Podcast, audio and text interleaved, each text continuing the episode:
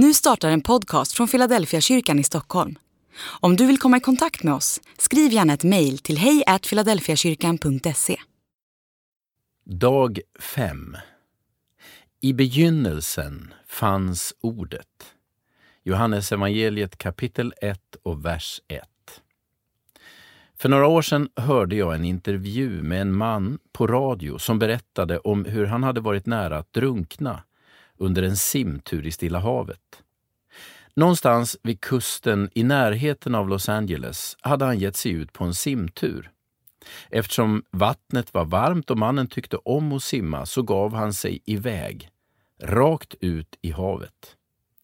När han skulle simma in emot land igen upptäckte han till sin förskräckelse att han inte kom närmare.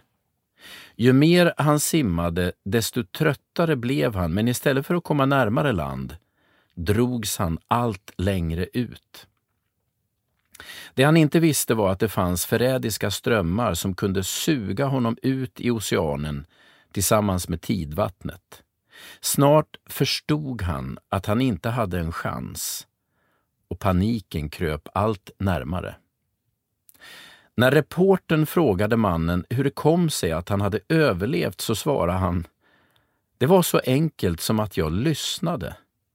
På stranden hade nämligen badvakterna sett hans situation och med en stor megafon ropade de till honom att han skulle sluta kämpa emot och istället spara på krafterna och att de snart skulle hämta upp honom med en båt.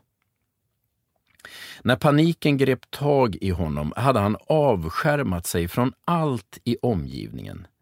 Men sakta, sakta hade ropet från badvakten med megafonen trängt in i hans medvetande. Om han inte hade lyssnat hade han förmodligen dött.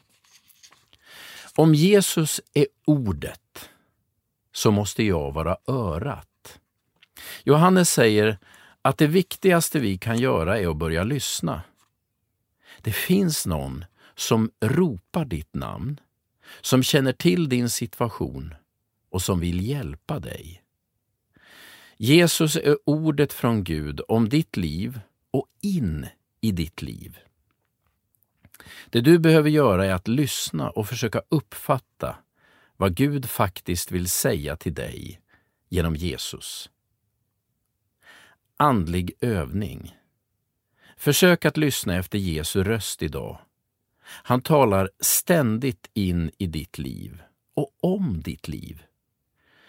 Stanna upp en gång på förmiddagen, en gång på eftermiddagen och en gång på kvällen och försök att lyssna in hans röst.